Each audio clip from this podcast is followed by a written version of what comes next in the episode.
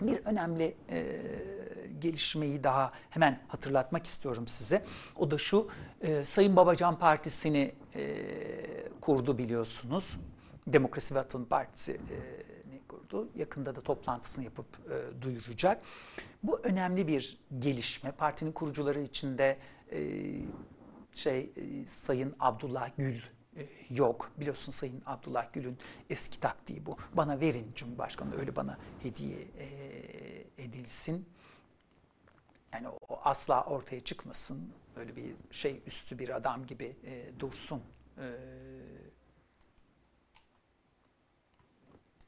e, böyle bir görüntü çizmeye e, çalışıyor.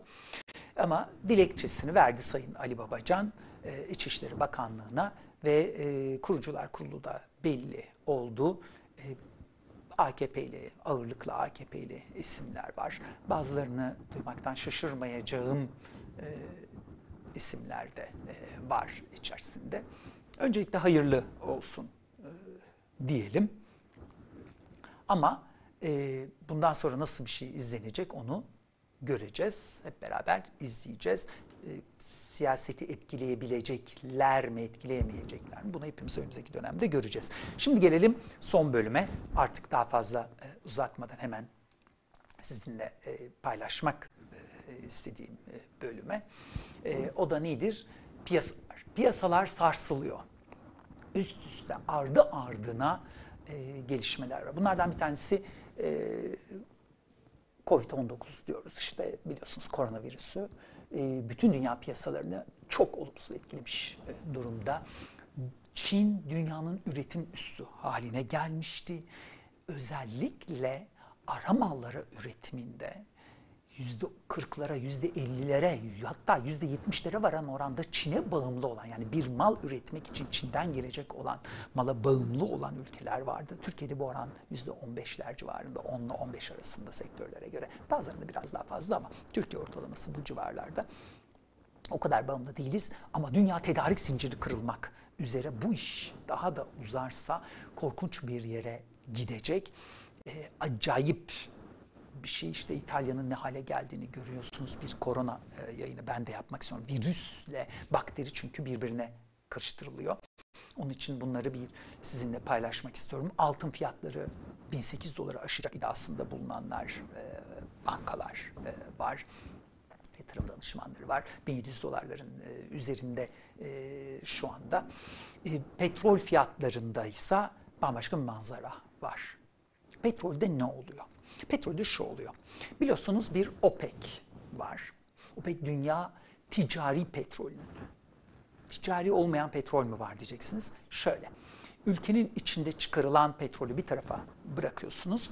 Uluslararası piyasada işlem gören, gören petrolden bahsediyoruz. Dünya ticari petrolünün önemli kısmını OPEC üretiyor.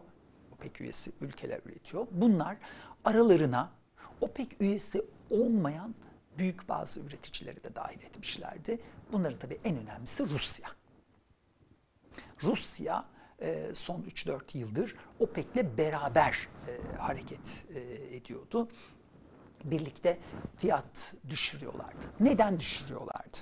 Suudi Arabistan özellikle Amerika Birleşik Devletleri'nde geliştirilen kaya gazı ve kaya petrolünün dünya piyasalarına çıkması, Amerika Birleşik Devletleri'nin çok büyük bir ithalatçıdan küçük de olsa bir ihracatçıya dönüşmesi, dünyanın en büyük üreticisi konumuna gelip Suudi Arabistan'a geçmesi. Ben bunu ilk projeksiyon olarak söylediğimde yaklaşık 8 yıl ya da 7 yıl önce e, bir yayın e, yaptığımda bunun çok dengeleri değiştireceğini, çok önemli olduğunu söylemiştim. 7-8 yıl e, önce o projeksiyonları göstermiştim. 2018'den itibaren, 2017, 2018, 2019'dan itibaren Amerika'nın çok büyük bir petrol üreticisi olacağını ve Suudi Arabistan'a geçeceğini ve bunu epey bir süre devam ettireceğini söylemiştim. İşte o dengeler şu anda sarsılıyor kaya gazı ve kaya petrolünü üretmek maliyeti yüksek. Örneğin Rusya'nın da maliyeti yüksek. Suudi Arabistan en düşük maliyetlerden biri. İşte Suudi Arabistan OPEC'i ikna edip Rusya'yı da yanına alıp petrol fiyatlarını düşürerek Amerika'daki kaya petrolü üreticilerini iflas ettirmek istedi. Petrol fiyatları kısa bir süre önce 2016'da 27 dolarlara kadar düştü. 27 e, doların altına düştü hatta. Çok ciddi bir düşüştü bu. Amerika'daki şirketler iflas etsinler diye. Ama onlar öyle yaptılar, böyle yaptılar. Finansmanı kullandılar, ayakta kaldılar. Son 4 yılda 3 kere üretimi kıstı Suudi Arabistan ve Rusya. Aslında OPEC ve Rusya e, diyelim ama Suudi Arabistan Rusya ile hep e, işbirliği içerisinde çalıştı. Her üçünde de onlar üretimlerini kısıp fiyat yukarı gelsin e, diye. Her yaptıklarında Amerikalı kaya petrolü üreticileri onların pazar paylarını çaldılar. Her seferinde. Dolayısıyla Rusya bu sefer bu oyunun içine girmek istemedi. İşin garip yanı Rusya'nın yüksek fiyatlara ihtiyacı var. Rusya'nın maliyeti yüksek, bütçe açığı çok yüksek. 50 doların altı Rusya için ölümcül, çok ciddi zarar ediyor. Devlet fonundan kullanması gerekiyor. Ee, epeyce büyük bir devlet fonu var e, Rusya'nın. Ama üretim açısından bakıldığında üretim maliyetleri çıkarma maliyeti yüksek, nakliyeyi Sibirya'dan e, büyük oranda çünkü geliyor. Çok büyük mesafeler aşıyor. Nakliyeyi, e, diğer maliyetleri finansman falan üstüne koyunca Rusya'nın maliyeti iyi bütçesini dengeleyebilmek için istediği fiyat 70 dolarların üzeri 80 dolarlar civarı. Bu sabah fiyat 30 dolarlara doğru çekildi. 32 doların altına indi. Şu an itibariyle ben yayına girerken 35 dolar civarındaydı. %31'den düştü petrol fiyatları bu sabah açılışta ve e, piyasalar hani eskilerin deyişiyle şallak mallak oldular. E, hem Asya piyasaları, borsaları çöktü, Orta Doğu borsaları çöktü, Avrupa borsaları e, açılışta çöktü. E, İstanbul borsası da e, açılışta aynı şekildeydi. E, çok ciddi bir darbe e, yedi İstanbul borsası da e, açılışta. E, dolayısıyla bu her yeri etkiledi ve FED devreye girdi. FED piyasalara hiç dayanamıyor. Biliyorsunuz bir faiz indirimi yapmıştı. Olağanüstü toplanarak 50 bas puanlık bir faiz indirimi yapmıştı. Şimdi de FED bir e, karar e, aldı ve şöyle diyor. Haftalık repo ihalelerini %50 artırıyorum en az diyor. Gecelik repoyu 100 milyardan 150 milyar dolara çıkarıyorum. Yani Amerika'daki bankalara verdiği parayı, gecelik repoyu 100 milyar dolardan 150 milyar dolara çıkarıyor.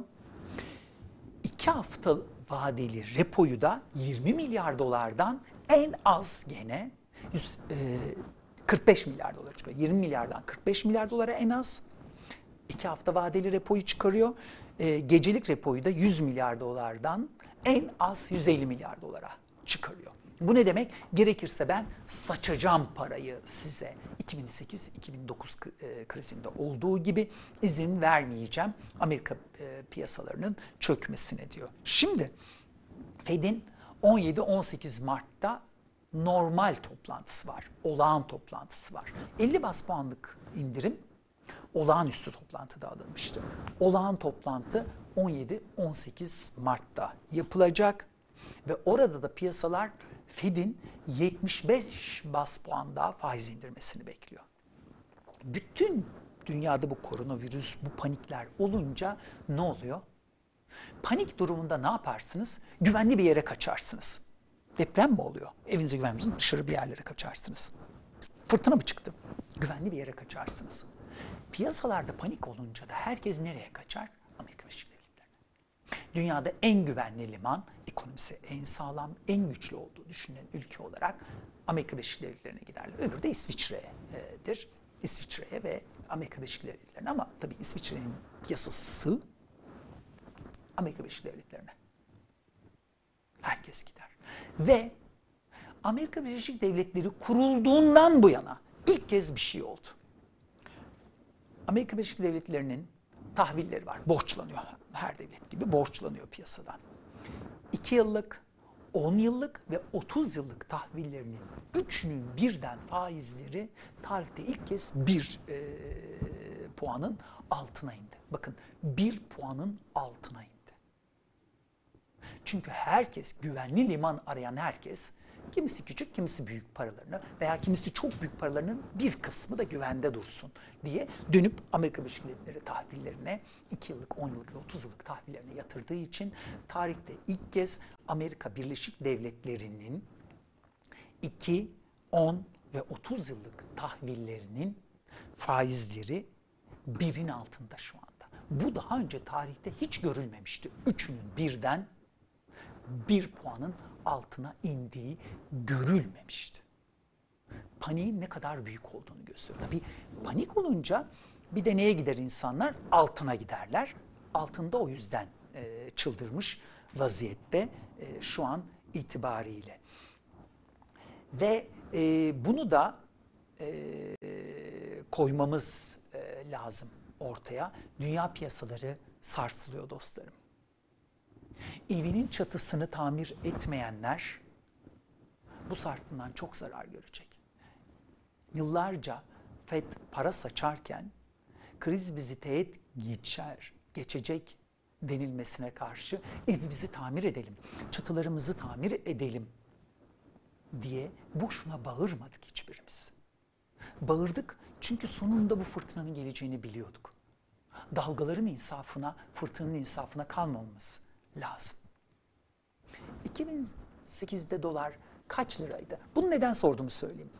Dolar e, işte 4 5'lere doğru gelince hani 5'in altı e, göründü denildiği zaman işte 5'lere doğru çekilince herkes ya 7 liralardan geldi. 7 liralardan gelmedi dostlarım. 2008'de dolar kaç liraydı? Hatırlar mısınız? Şimdi baş danışman olan şahıslar o zaman 1 dolar 1 lira olacak diyorlardı. 1 dolar 1 lira 30 kuruş civarındaydı. Sonra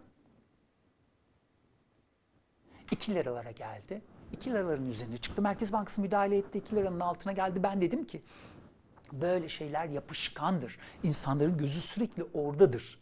Doğru düzgün ekonomi politikası lazım. Yeniden ikinin üstüne gelecek dolar. Dolar 1.90'a inince kendini bilmez bir e, AKP'li ekonomist bana istersen sana 2'den dolar satayım demişti. E hadi sat. Şimdi sat. O zaman tedbir alsaydık dolar çok daha makul. Rekabetçi ama daha makul bir yerlerde olurdu. Ne oldu? Sonra 3'ler, sonra 3.60'lar, 3.80'ler, 4'ler, 5'ler, 6'lar, 7'ler ağır kriz. Ki o krizi de biliyorsunuz e, yıllarca önceden söyledik. Göz göre göre geldi.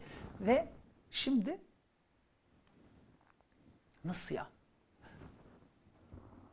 Ben evimde oturuyorum yaz. Gökten dolar yağıyor. Sevgilim bana diyor ki Hayatım çatıda bir kiremitler kırık onları bir düzelt. Ya şimdi yaz. Boş ver bizi. Hayatım bak yağmurlar gecik. Onlar yaz yağmuru bizi teğet geçer bir şey olmaz. Hayatım bak sonbahar geliyor. Ya daha vakit var boş ver bize bir şey olmaz. Hayatım fırtına gelecek, kış geliyor, çatıyı tamir et. Ya onların fırtınası varsa bizim Allah'ımız var diyorum. Kış geliyor, yağmur bastırıyor, evin içi sular doluyor. Dolar 7 liraya fırlıyor yani. Şimdi bu hata yağmurun mu? Benim mi? Benim. Çatıyı tamir etmeliydim. Düzgün, güneşli zamanlarda tamir etmeliydim. Türkiye bundan bir türlü ders çıkarmıyor. Dostlarım, reformu biz sadece krizdeyken yapıyoruz. Boğazımıza kadar batıyoruz, ondan sonra reform yapıyoruz. Ya güneşliyken, hava düzgünken burada sorun var diyenleri vatan haini dediniz mi demediniz mi? Düşman dediniz mi demediniz mi? Hala da demiyor musunuz? Krize girdiğimizi inkar ettiniz. Şimdi krizden çıkıyoruz diyorsunuz ya. Şimdi krizden çıkıyoruz diyor musunuz demiyor musunuz? Evet diyorsunuz. E, girmediğimiz krizden nasıl çıkıyoruz? Aklımızı başımıza devşirmemiz lazım. Yüz binlerce insan işsiz kaldı. biz mutlaka ve mutlaka yapısal reformuna dönmemiz lazım. Yapısal reform deyince de lütfen şunu anlamayın. Ekonomik reform. Dünyanın en iyi ekonomik programını getirin. Sürdürülebilir büyümeye dönemeyiz. Bize bir yıl, iki yıllık büyüme lazım değil. Bize uzun yıllar yüksek büyümeler lazım. Çünkü gelirimiz düşük. Biz fakiriz. Fakir bir ülkeyiz. Geçen yıl hepiniz şehitler olunca büyüme şehitlerimiz olunca e, büyümeyi analiz edemedik. Ama önümüzdeki dönemde bir o konuya döneceğim. Hepimiz geçen sene 500 küsur dolar, 600 dolara yakın fakirleştiniz. Hepiniz kişi başına fakirleştiniz. Sürdürülebilir büyümeye dönemeyiz uzun. Bir yıl, iki yıl büyürsünüz. Ama uzun yıllar büyüyemeyiz. Dünyanın en iyi ekonomik programı da yapsanız ki şu anda zaten öyle bir şey yok da. Ama o yapsanız bile devam edemez. Bizim sürdürülebilir büyüme için demokrasi, insan hakları, hukukun üstünlüğüne ihtiyacımız var. Bu deli saçması, demokrasi dışı, hukuk dışı, Türk tipi başkanlık sisteminden vazgeçmemiz lazım. Güçler ayrılığını pekiştirmemiz lazım. Güçler birliği diye bir şey yoktur. Demokrasinin temeli güçler ayrılığıdır zaten. Bunu yapmak zorundayız ve bunu özür dilerim kusura bakmayın. AKP'ye gönül vermiş olabilirsiniz ama bunu AKP yapamaz. Sayın Recep Tayyip Erdoğan bunu yapamaz. Kim yapabilir bilmiyorum. Zaten gelen kimse o da yapamadıysa onu da istemeyeceğiz. Onu da eleştireceğiz. Yani Erdoğan'ı, Sayın Erdoğan nasıl eleştirdiyse o gelen Sayın X'i de öyle eleştireceğiz. Ama şundan eminim. 3 yıllık, 5 yıllık, 10 yıllık, 12 yıllık, 15 yıllık iktidardan bahsetmiyoruz. 18 yıl. Ve altın bir fırsat vardı. Mecliste kesin mutlak bir çoğunluk vardı. Derviş reformlarını ekmeğini yedik, yedik, yedik, yedik, yedik, yedik ve bugün geldiğimiz yer meydanda. O yüzden Türkiye'nin bundan e, sonraki hikayesini hep beraber yazacağız. Hep beraber yazacağız ve o hikayede başka oyuncular olsun. Gençler olsun, kadınlar olsun. Diyelim ve yayını e, burada bitirelim.